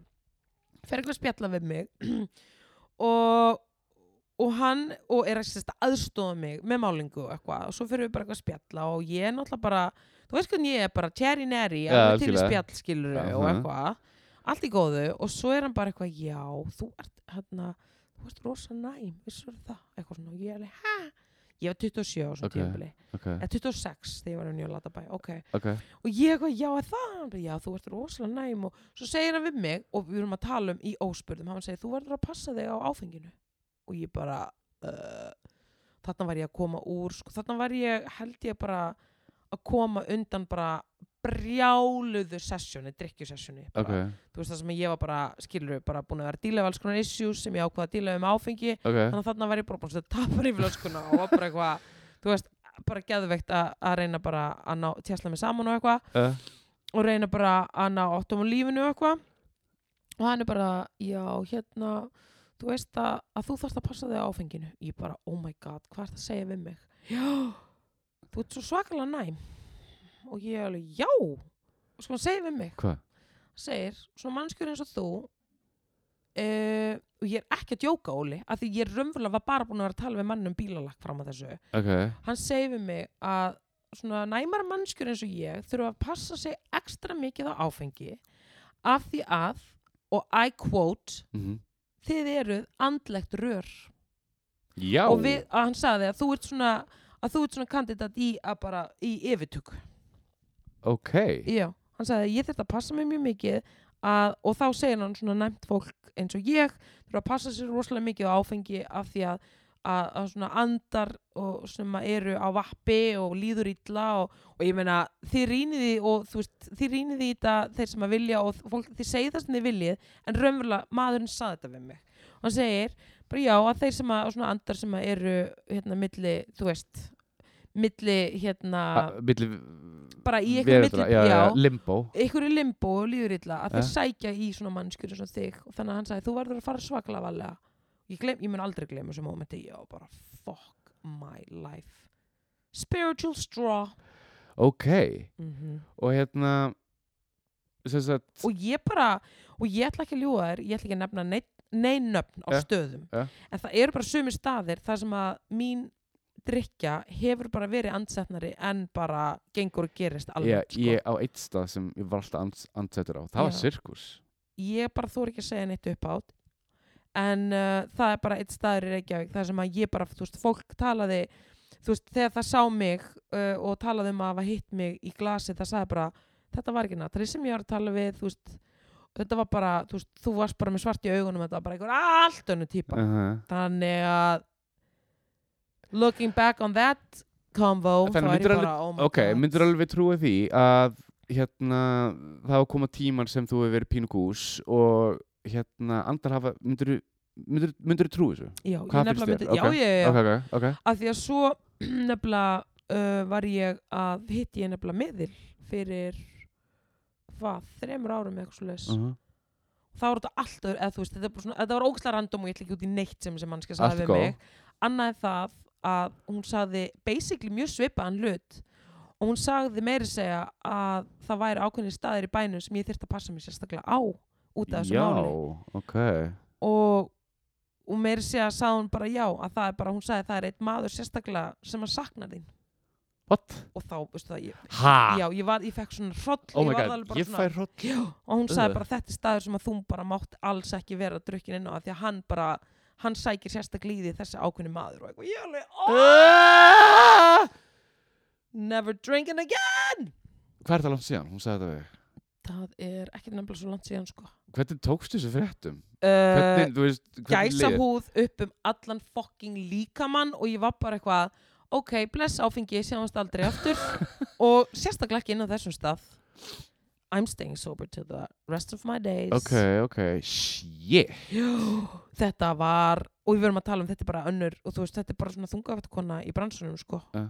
retired í dag með þess að segja. Með farsalan fyrir að baki. Hún var bara, sagði þetta við mig ég var bara, oh my god! Svona andlegar sögur talaði hún um og að þeir geta komast betur inn í þig þegar þú ert bara sækja að þér. sæ, bara sækja. Málið er að þú veist, þú, varnenda hinnar um, eru bara niðri. þar eru bara niðri. Uh þú ert bara varnarlaus. Því meira sem drekkur, því minni varnar hefur þannig til að þú ert bara á valdi einhvers anda og bara bless, sjáumst. Og bara vonandi að það fari vel svo nótt sko. Ok. En myndi alltaf að segja hún hérna, þessi gauðir hérna í Pólsen já, uh, fyrir það, fannst þú alltaf vera næm skilur, hefur, hefur, hefur alltaf verið svona já, já, já, já. ég hef alveg, ég hef alveg þú veist, málið er að ég, þú veist, ég hef alltaf vitið að ég væri næm en Aha. ég menna, þú veist, maður er ekkert eitthvað skilur gangut um, úp, eða skilur, þú veist já, já, þú veist, ég var ég hef ekki þú veist, ég, vakt, ég var ekkert að ve- vekja þér sérstaklega eftirtækt, fattar ég skilji, skilji, skilji þú en, ekki að pæla en þú veist, ég hafði bara aldrei fengið þetta samtal bara einhvern veginn in my face, svona svakalega sko. Og ég meina, þú veist, þetta samtal satt alveg í mér og þú veist, ég hef alveg þú veist, verið með þetta svona bak við eirun mm mm svo bara heldur ég við áfram og svo bara saði þessi kona, þetta kona við mig fyrir ekkert svo lengu og ég var bara, oh my fucking god that's it. Bara, nei. Ok, þannig að þú veist, já, hún er eiginlega bara tók undir það sem að pólsinn maðurinn saði en maður búin að saði öðruvísi. Og þegar hún saði, og þessi maður það er maður sem að bara að því þú veist, ég, er, ég og hún bara, já, hann saknaði. Ég bara, oh, uh, freaky! Freaky Natalie bara taka mig yfir og vera bara fullir í gegnum mig. Ógeð! Hrikalegt að heyra þetta. En byrji mín í edrúsegl það get ég sagt þér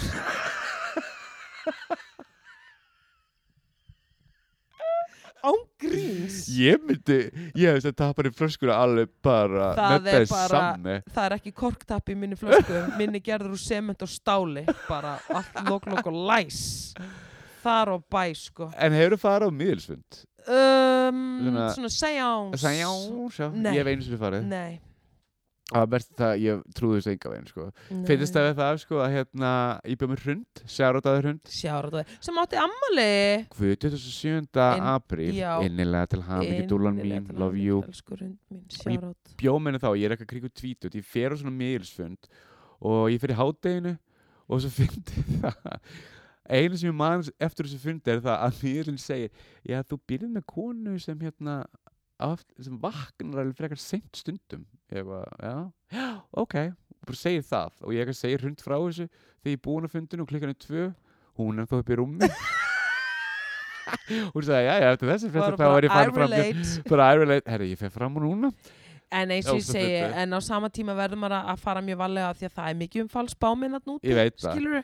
og ég vil mér langa bara taka það fram að ég er ekki að sækja í svona af því að þú veist ég bæði langar mig ekkert að vita um framtíðina ég bara hef Mhm. ekki gott að því og það er engin gott að því vita hvað framtíðin byrja skauti Djöldin ég ánæður að heyra þetta. Já, af því að þú veist, er það á bara að, að, þú veist, það á bara hver dagur að, að fá að, að- að upplýsa mig um það. Ég leyfa vil- hlutunum að koma til sín, Já, skilurðu? hlutinni bara koma þegar Mhm. koma. Ég vil ekki vera með eitthvað svona exi-skjali yfir hlutina hvernig þeir eru að betast í mínu lífi. ja, En, þannig að, en þessir hlutir báðir hafa komið til mín mjög óvænt Ja. og umbeðnir, by the way. ok Þannig að ég tek þetta fram. Þetta er ekki eitthvað, ég var ekki að sækja í þetta knowledge, þetta kom til mín. Þess vegna er, gerir þetta ennþá meira freaky-deaky. ég skilði þig Mm Þannig að passi ykkur krakka mínir. já, það eru óhamingjusamir andar að núti og ég meina við vitum ekkert. Ha? Við vitum bara ekkert. En já, ég ólega minn. Við erum alltaf, við erum alveg komin yfir svona okkar hefðbundna tíma þannig, sko. já. En ég er samt með smá update sem ég langaði að segja þér. hvað Uh, að því nú eru, nú er the award season að baki, bæði Globes og Oscarinn. Mhm. En nú er bara smá, svolítið í gangi varandi Globes. hvað er það Netflix og Amazon eru búin að draga sig frá Golden Globes og neyta samstarfi þanga til að þeir breyti og hægi sér í taktu tíman og verði meira diverse. Af því að þeir voru komið með eitthvað svona sáttatilu og þeir bara, nei, þetta er ekki nóg. Þetta er ekki nóg og við viljum sjá alvöru breytingar.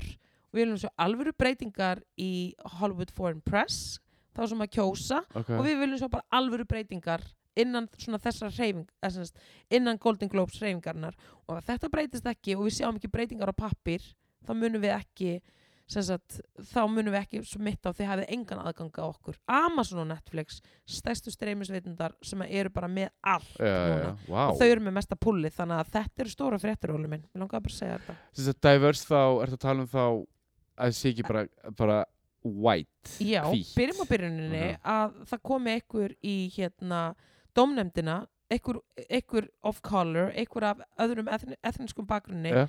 En hvítur skilur Mhm. allt þetta sem búur að kvartum þau vilja bara fá svo breytingar. Og nú eru þau bara búin að kipja handbremsuna og segja bara enga ekki lengra, við viljum svo breytingu.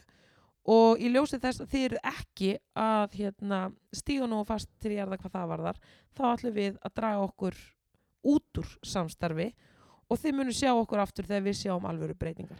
Já, minnst þetta mjög flott. Bara this just in sko Hvenær kom þessi yfirl- yfirlýsing út? Bara ég var bara að lesa þess að frétt í dag í New York Times Í, ok, ég ætla, ég ætla að tjekka á þessu mm Mér finnst þetta, wow, ég Mhm. bjóst ekki við þessu ef ég Nei. alveg, alveg hinski sko. Nei, En með hérna, Golden Globes, þetta er alveg rétt sko. Þetta er einhver, víst einhver miðaldra hvítir, sjötur, kvikmyndagagnir Óli, þetta er bara það sem við töluðum um ég veit og þetta er það sem allir er að tala um og Mhm. allir er að kvartum nema ég fíl þetta, veist, ég er að segja það Þetta er ógæslega gott, líka Amazon og Netflix, Yes. þetta er rosa dæmi Já, þannig ég ætla að segja það er, og- eh, sko, við byrjuðum þetta ár á því að segja, það er bara hreinsun í gangi. Mhm, við sem bara jarðar samfélag erum að fara að ganga í gegnum bara hreinsunareldin mhm. og bara við erum bara í forgarði eldsins þarna. Myndi ég segja, þetta er bara að Mm, byrja. Þetta er bara að byrja. Á öllum vikstöðum, þannig að mér finnst þetta opaslega jákvætt. Þannig að við endum þetta bara á þessu, eða þú veist mér langaði bara að láta þið vita Takk fyrir það. En það ekki, Má ég spyrja einu? ekki svo vel. Hvernig gengur hérna, nikotíndæmi? Við erum ekki búin að tala um það. Oh my god, takk Fa- fyrir að spyrja. Fyrir maður út í þetta. Takk fyrir að spyrja, núna er ég, hef ég lokið þú veist, ég er á degi 23 eða eitthvað svo Ok, hvernig líður? og mér líður vel, Óli. Gott. Loksins, loksins er farið að byrta til í mínu lífi. Oh, takk fyrir að spyrja. Af því ég get actually deilt með ykkur að, ég, að því að tala um það 21 dagur af þessu helvíti og Ja. þetta er helvíti Ég, ég sá það. Já Óli, þetta var algjör motherfucking brekka. I was a witness. Mm en uh, ég sigraðist á þessum anskota vil ég meina Ok. og ég komst yfir þetta. Ég komst yfir hjallan ég komst yfir þessa brekku, ég komst upp brekkuna og nú er þetta bara smooth sailing. En ertu með ennþá langanir eða færið eitthvað svona, oh, færið til í mér líður bara allt öðru þessi, mér líður raunverulega bara þessi kláði innri svona sataníski bara kláði bara er farin þú veist, ég er ekki jafn sólgin í, í mat og ég var. Ok, wow og, og þá meina ég bara þú veist, salgeti sérstaklega. Ja. ég bara, eins og ég segi, þetta er svona, þetta er svona brjálaðislega, eins og það væri bara eitthvað skrýmsli lifandi innra með mér. Það verðist eins og það hafi bara exita líka mann, sko. Já. Já, og mér líður bara svaklega vel. Ég ætla ekki að lífa þér. Ég var rosa duglega að fara í sánum helgina og fara í göngutúra og ég meina þú veist, þetta, eins og ég segi, ég hugsaði bara ég, veist, en ég er svona, Óli þegar ég tek ákvörðun, uh, þá er það bara the heat is on. Ég var ekki að fara að láta þetta vinna. Ekki að ræða Þetta er rétt sko. Ég er svo ákveðin þegar ég tek þegar ég, when I put my foot down it is down. Og ég var ákveðin og ég var ákveðin í að hætta þessu og þá er það bara þannig. Það er bara þannig. Ég var ekki að fara að gefast upp, ekki séns. En mikið opaslega var þetta alls konar. Þetta var erfitt Má ég- spyrja einu? Oh, Sér eitthvað mun á því þú veist að hættir ekki sígaretur eða þessu já, risa Hver stóra er þá, farað hans með mig í gegnum þetta Ég er rosa forvitin. Ég ætla bara að láta að vita það. Að Síkó er bara djók með þetta. Er það? Já, síkardan var bara grín með þetta. Af því að ég fór líka bara að hugla þetta. Þú veist, það, það er svo mi miklu, miklu, miklu meira magn af nikotíni í svona lummum heldur en ekku tíma síkardu þú veist, ég var bara að reykja einu og einu Salin Lights og meðan ég var að, að, að negli mig mögulega kannski svona tíu lummum yfir daginn, 20 milligram skilji og við erum að tala um alveg brjálaslega mikið nikotímagn sem ég var að láta inn fyrir mína varir. Og í systemi mitt sem er líka ástæðan fyrir því að hvernig mér langaði að hætti þessu mm. þannig að þú veist, að ég hef alltaf bara svona yfirleitt hef, hefur mitt svona reykingamunstur verið þannig. Ég hef reykt sígardur svo bara fæ ég kvef að því lungum mín alltaf þólit ekki er Já, já. Og þá náttúrulega er ég hægt að reykja svo bara stíu upp kvefinu og ég bara reyki eitt meir. Eða skilur skilji því nema reyndar upp á reyndar síðustu ár þá var það þannig alveg að ég bara reykti skilur En tókstu líka þegar þú, þegar þú hættir að reykja, tókstu þetta líka á nefanum eins og þú gerir með lummunar? ég hef alltaf gert það á nefnum Ok. þannig að ég þekki þetta að taka þetta á nefnum eða skilur nema síðasta skipti þá hugsaði ég að ég ætla að taka mjúkulendingu og fæ mig lummu Já, og leifa þér aðeins. ég ætla bara að leifa Leyfa mér aðeins ég er nú einu svona hægt að reykja Æ, ég þetta að má. vera já, þetta má og ég ætla bara að fá mig lummi og bara little did I know sko en í dag er ég glöð haf mikið sem að frjáls og mér finnst ég bara raunverulega ég vaknaði í morgun og ég var bara ég vaknaði þessi sig og er róli Ánægð með þig og dúllæn. En hvenær fór þetta svona að vera svona gott? Eftir, eftir hvað tíma? það var bara svona cirka bát á föstu daginn Það núna. var dagur 20 eða eitthvað? já, Ok, það var Ok. 21 21. já, það var bara ángríns þetta var bara líka upp á dag sem ég var bara ok, ég finn bara núna þetta er að verða betra Þannig að þetta er svona þrjár vikur. Þetta sem, eru sem er bara Þetta er þrjár bara vikur á 20 helviti. dagur alveg en ég hugsaði bara ég tek enga sensa og var bara tók mjög svona hraustlega og góða gungutúrum helgina Gott er. sem ég endaði báða með að fara í 20 mínúna sánu Halló. þannig að uh, just in case. Ok. þannig að en ég bara, ég er raunverulega mér líður svaklega vel í dag. Og ég fór snemma að sofa líka bara svona síðustu dagana. Þú ég ánægð með þig. ég, en ég, ég er að segja það, ég hugsaði bara því ég fann bara að þetta var að skella og ég bara, not today Satan, not today. Bara beint í bettan þú veist, ég bara, ég gerði allt Óli. Ég gerði allt til að komast yfir þetta. Og ef að það þýtti að fara í, í þú veist, háttin 1830, so be it. I don't give a shit hér sit ég í dag gjössamlega frjáls frá þessu ógeði og bara the winner takes it all eins og segir og já. Ánægð með þig. Já, takk eska mín. Og bara raunverulega, mér er ógeðslega ánæg með sjálf mig, ég ætla bara að vera það, að þetta var ógeðslega erfið og fyrir þau ykkar sem að vilji bara, þú veist, stuðning bara hala at me, ég er símaskráni En er ekki hérna eitthvað fólk búið búi, búi að stíga fram og búin að segja bara vissi það ég er lendið svo nákvæmlega sama og þú? Nei, af því að það eru allir ennþá að gera þetta Ah. Það er heila málið. en það er fólk búið að stíga fram og segja shit, ég þór ekki að hætta Já, það, var- það, það var það. Ok. en ég segi bara að ég mun, ég kannski mögulega ég útbúi eitthvað skonar fræðsluefni eða verði með eitthvað skonar stuðningsefni eða eitthvað stuðning af því að ekki veitir af Svona sko. PowerPoint. Já, já ég ætla að En ég meina, veist, ég get miðlað En ég minna, Nandri, það er öruglega eitthvað hérna úti sem við Já. þekkjum ekki, sem er, að, sem er að hætta þessu og er að, og er að hlusta á þig og, og, og, segir, ef hún getur gert þetta, þá get ég gert þetta. Já. I'm telling y'all. I'm. I'm telling y'all too og ég ætla líka bara að segja að ef einhver þarna úti er að spája að leggja luminni Uh, þá er ég bara eitthvað til staða fyrir þig ok. Ángríns, hafðu bara samband og, og ég mun bara gefa þér góðráð og sína þér stuðning hver sem Ok. þú ert þú, þú þarft ekki að þekkja mig bara ángríns, þú bara, ég gef leifi hafðu samband, af því Ok. að þetta er meiri djöfusins brekkan en jæja, Óli minn Já, við erum uh, komin í amalspönnin ok. er það ekki bara Vá, við erum búin að fara, þetta er búin að vera alls konar Þetta er búin að vera alveg Þú voru tilfinningarófi. En, en gaman samt. Ég Já, erfitt á köplum Já, en ég nöðsynlegt you gotta have the bad times to have the good times. Ég er að segja það Herði Óli minn, ok, það er ammælisbönnin 5. mæ og uh, við erum að tala um Kurt Lóder Kurt Lóder. Já, og ástæðan fyrir okkur að skrifa hann er VH1 Já. Hann er svona frétta, hann er tónlistafréttamaður og ástæðan er líka bara okkur að skrifa hann hann skrifaði æfisugunina Tínu I'm Tina, I Tina, já Ah. og Kurt Lóder er svona legend in the game í svona í tónlistabransanum sem svona tónlistafrétta maður Þetta er svona fyndið nafn. Kurt Lóder. já, hann er Kurt Lóder, 76 ára legend in the game og ég ætla bara að óskona minnilega til Bara, ammali inni, bara hann stakk upp á því að skrifa hérna, það var viðtal við hann í heimildamyndinni Óli, Tínu hann skrifaði sögununa Ég man eftir honum. það er Kurt Lóder, þannig Ok. að okay. sjá hann Mér finnst bara- mér svo fyndið nafn. Kurt Lóder. Æ, ég ekki seima það Nei, ég að segja, mér finnst bara fyndið. Óli, hann á Mér ammali finnst það dúllu. Til til mikið Kurt hamingju Lóder. Kurt Lóder Craig David var færtugur 5. mæ bretti, Bittu nú við. hann var með svona early 2000 smell og hefur ekkert mikið heyrst heyrst mikið frá honum svona alþjóðlega tónlista, hann er nú samt alveg Er hann kanona? Joke. mm, Þegar hann þú sagðir alveg eitt svona lag. smelli. Við Craig hvað lag? David, googlað en allavega hann átti ammali minn. Ok, sko. Chris, Chris Brown ofbeldis suppetuska Uh, ef nokkuð vera eitthvað... á 32 Uh, en mín kona og veistu það? Oh, ég elskar hana svo mikið. Ég er hún spenntur. Adele 33 Adele Adele, Dúllan. Dullu bomba sko. ah, ég dúllu. hann er sæt og flott og flott og sæt.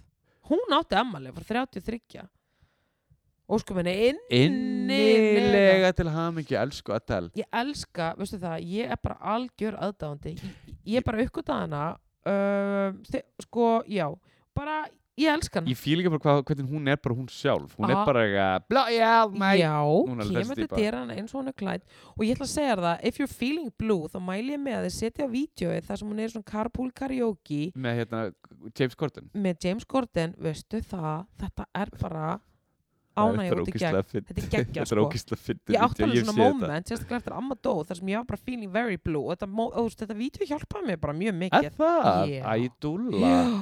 Adele bara Ah. hjálpaði mér mjög og hefur gert og gerir enn þannig ég ætla bara að segja Adele, I love you girl Thank you for the music thank you for everything, thank you for you 33 við erum komin í 7. mæ, Mhm. George Clooney 60, hlöðuball Er hann 60 sjámli? stóramali, Jésús, það hefur verið fengið sér einn eða tvo heima hjá honum núna hann er náttúrulega faðir sko, Ja, veist. þannig að þetta hefur allt örgulega verið bara ó-covid og eitthvað, þannig að þetta hefur allt örgulega verið bara Já, ah, ok. En maður veit ekki, Maður hann veit er ekki. stemningsmaður sko, hann er, hann, Það er stuð í hann kringum er pott sko. verið partí. Pottjætt hérna, hún hefur haldið, hvað er hún, Amal Rúni Clooney, nei Amal Clooney Amal Clooney þetta er konan hans. Hún er lögfræðingur eða ekki? Bara hámentuð, alveg bara sprenglærð, opbáslega myndaleg Og kona, sjúklega myndaleg og sjúklega klár. Rosa til klár. innilega með hamingjuð Georgie, innilega, Jordy Tony Blair fyrir hann til fórsættisraðara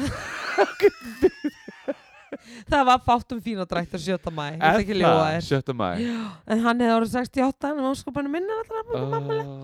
herðu, Bróðum minn átti amli 7. mæ Ég ætlum að gefa hún sjárat á, á hann bróðum minn flott að því við erum um þetta að bruna núna í 7. mæ þannig að við byrjum bara á alla bró uh, innilega til hamingju. með ammali nú Tracy Lords hún átti líka ammali, 53 Hún, hérna kanona í klámyndabransunum já, en svo steg hún líka yfir í bara kvikmyndabransan yeah. Hún leikið myndir Crybaby. I know, Mhm. stjörnuleikur. Stjörnu. Geggjuð í henni. Þannig að við óskum henni innilega. Innilega. 53 getting old up in this bitch. Samt sæt og flott mjög, sæt. Já. Ógeðslega sæt. Mm Telma Houston hefði átt ammali saman dag 75 ára. Don't leave me this way. Don't leave me this way sko. Geggjalag, Rísaljós geggjalag. Geggjað. Þannig að við óskum henni Inni. innilega til hamingju með ammali og við erum bara komin í 8. mæ strax. Enrique Iglesias 46 ára. Hann er 46 ára. Mm 46 í. Var hann ekki eitthvað gay? Nei, Ég átti Hann að finnast bara gay vibes frá honum. Hann er bara latino boy og giftur henni önnu korsningkorfa og sem er Er hann tennis giftur henni? Óli, þau eru búin að vera gift í svona tíu ári eða eitthvað. Little did I know. Þau eru búin að gift heil lengi Er og eiga bara það? barn og buru Jésús og bara, ég held að séu bara vístur í fjölskylda á allir pakkin sko. Þannig að Jæja, ekki ok. nema hann sé með eitthvað svona sidekick sem ég veit ekki um. Maður veit aldrei. Mann alltaf veit aldrei. Ég veit það. En alltaf hann út af við er hann giftur hamingju samleginu önnu Kurstinkorfa tenniskonu. Allt í, allt í blúsa þar? Bara allt í blús í blú Ó. og bara óskum henni er, Eh, honum? jú, henni til hamingju með mannin og Enrique til hamingju með sjálfan sig. Það væri félast. Fylast og Michelle Gondry leikstjóri sem að hefur gert Já, hann gerir hérna Eternal Sunshine of the Spotless Mind. Meðal annars opaslega hérna flottur leikstjóri, Hann er mjög franskur góður já. geggjaður, þetta var nú eiginlega Geggjaður. bara fyrir þig. Takk skan hann var 58 og svo er kanóna, þunga vikta einstaklingur í bara á, á heimsvísu. Hver? Sir David Attenborough. Hann átti ammali Guð, já. Sir David Attenborough. 95 ára. Wow, Ógislega flottur. Wow.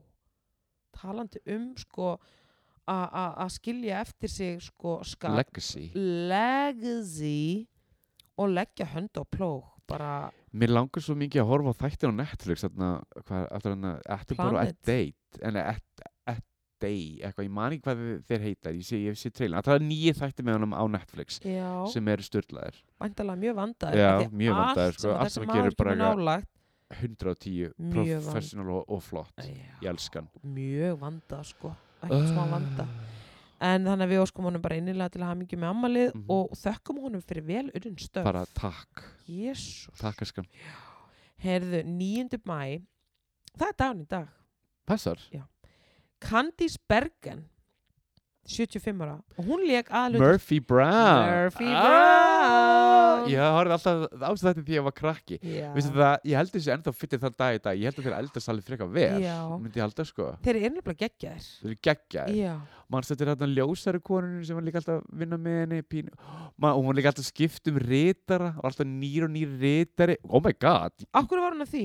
Sexist? Nei það var eitthvað svona djók með það að hún gata þetta tengt við neitt, ritara og það var alltaf nýjum þætti eða í hverju minnsta þætti fyrir ekki var alltaf nýr og nýr ritari, mannst ekki eftir þessu? Og það var alltaf eitthvað svona störtlað fólk að vera ritarinn. Og það var, var svona ongoing joke í þættinum. Já, nei, ég man nefnilega ekki eftir þessu. Tjekka á þessu, Ég mun gera það Þetta er alveg svona þætti sem ég var alveg til að að horfa áttur ég held þessi flott er Já. það dag í dag Candice Berger, leik hún líka í L-Word eða nei, Í... Eða, byrju, það var hi- nei, nei, það var Kathleen. Turner. Sybil Shepard Sybil Shepard Já. Ekki Kathleen Turner. Uh, Það var Sybil Shepard það var Sybil Shepard en bara Candice, bara congrats. Innilega til að hafa mikið mamma Innilega. lita Ég vona að hún sé að gera eitthvað óksla skemmtilegt hún er bókað að fá sér hvítin Já Eða kannski hún sóper. Kannski. Heyrðu, Rosario Dawson 42 ára. Ok, hún er flott. Hún er flott. Hún, Hún er nefnilega flott. óksla sæt og flott. Hún er ógeðslega sæt. Hún er dating good congressman. Já, hann hérna Booker. Mm Herru, hérna Og svo fyndi, hún var bara veikona Leikona óvart. Veik kona. Það var þetta, halló. En hún var hérna Larry Clark hérna, sem leikstir í Kids. Larry Clark. Larry Clark, sko, Larry Clark. Larry Clark. Larry Clark, hvað er að? Ok, að bara rétt áður nú heldur áfram. Ætla sagði við gær. Elsku Óla, ok, hald áfram Nei, sem ok. segja það. Nei, ok, ég ætlaði bara Þetta var mjög ómörkjöld sem ég ætlaði Segðu að segja. En það var bara það að hún ætlaði að vera leikona. Hann sá hana bara, ég held að það var bara Central Park eða eitthvað Eða Union Square eða eitthvað Og bara, þú ætti bara að leika í nýjustu myndunum minni. Hún leiki í Kids og síðan bara var hún bara stjarnar til það. En samt, sko, varandi Larry Clark Mhm. þá uh, kasta hann eiginlega bara alla myndina svona. Já, bara eitthvað svona, hei þú, búf setti flyer út um allar New York og var að og, var óskættur hérna leikur í Já, þannig. hann var svolítið að kasta alla myndina Aha. þannig að þessi skeitarar Já, voru bara skeitarar skilur Mhm. For reals, for realsies. Ó, svo geðvæg mynd. Geðveik mynd. Elska Kids. Ég náttúrulega kynntist einu leikara en það er a whole nother topic for a whole nother show. Hvaða leikara? Hunter, Hann? Ah. Blessu sér minning Hvað sem hans. minni kanns Hefur þið hitt hann? uh, Óli minn, við bara djömmuðum mjög mikið saman Er þegar ég var í? New York árið 99 hann og Samantha West, vinkunum voru líka ógeðslega góðir hún talar Já, alltaf mjög fallega um hann já. sko. hann var svona New York legend uh, og, og jam legend og eins og ég segi bara þegar hann dó, mamman sagði bara þið voruð að, jamma með honum þið voruð að taka eitulif með honum og, og borgun í hann eitulif, þið borgið þess að jarða fyrr mamman skerði það það? yes, mamma slétt mamma hans létt bara vini hans og jamvini hans borga þess að jarða fyrr hún sagði bara, you were giving him the drugs you pay the funeral. Þið gerðu það, Vá, þannig að það var bara ok. samskot og þannig að NYC jamsenan bara lagði til í púk og borgaði og bara borga jarðarför hér að fyrir hans. Mm -hmm. oh my god. Yeah. en þú ætlar að segja þess að ég sagði það í gær? Sem sagt, ó, elsku, elsku Óli Hjörtur var svo mikill haukur í hotni í gær þegar ég var DJ Kvíði og ekki að meika hvorki staðin í stund og ég var bara, og til að halda mínu manni góðum, þá náttúrulega tók hann ekki náttúrulega, en ég sagði bara, heyrðu uh, Óli drekkur allir minna DJ-drykki, þannig ég er að DJ en þetta er DJ búgurum minn. Mannstu því, ég við Ég man, þú sagði DJ búgurum minn. Svo var ég alltaf eitthvað svona að passa upp að þú væri góður hvort þú vildi nýjan drikk og ég var Mhm. svolítið svona að dæla og bara hafa þig góðan. Og ég eitthvað, Óli minn, má ekki bjóða þér nýjan drikk? Nei, ég er bara góður í byði Nei, ég er góður í byði ég góður í byði Jesus, ég hætti að býða þér moment. Þú störlaðist, þú þurftur eiginlega bara að slakka græjunum. Ég meina það er náttúrulega ákveðið hint að þú þurfur ekki annan drikk þegar þú segir ég er góður í byði hvað var að? Vistu það, ég kann ekki að tala í byð Nei, það var bara, málið er Óli að það er alltaf erfiðara að tala þegar gússigú, sko þegar þú er komin í ákveðin drikkjafjölda. Þannig að þetta var líka ákveðið hint að þú Mm. þyrftir heldur ekki Já, annan já. drikk alveg strax og ég Þú bara varst bara góður í byði ég var bara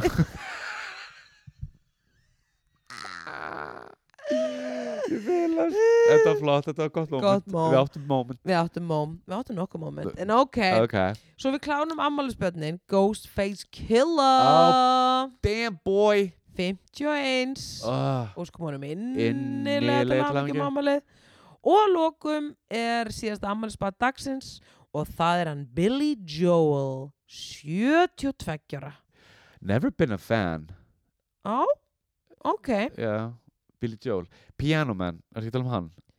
Við erum bara að tala um Billy Joel Það er bara eitt Billy Joel Já. Ég er alveg fann sko Er það? Já, já, Ég hef aldrei geta...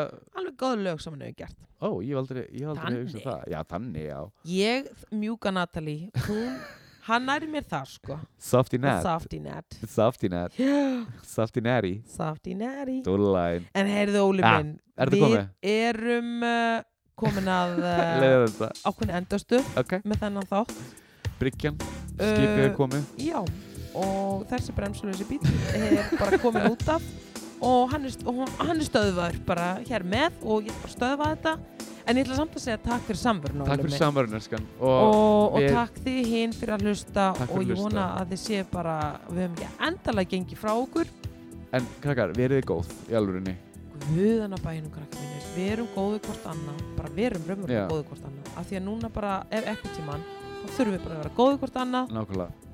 og bara huga að just, bara, já, erum bara góðið hvort annað. Ég bara get ekki sagt neitt mikið meira um það. Þetta sé bara sem sem þú ætti að segja. Nei, það ekki en uh, ég segi bara takk fyrir samverðinu Óli minn Takk, elskan. og takk fyrir allan stuðningin um helgina Bara, mín var ánægðin. og, og, og ég segi bara þangu til næst Ok, bye. ok, bye Bye.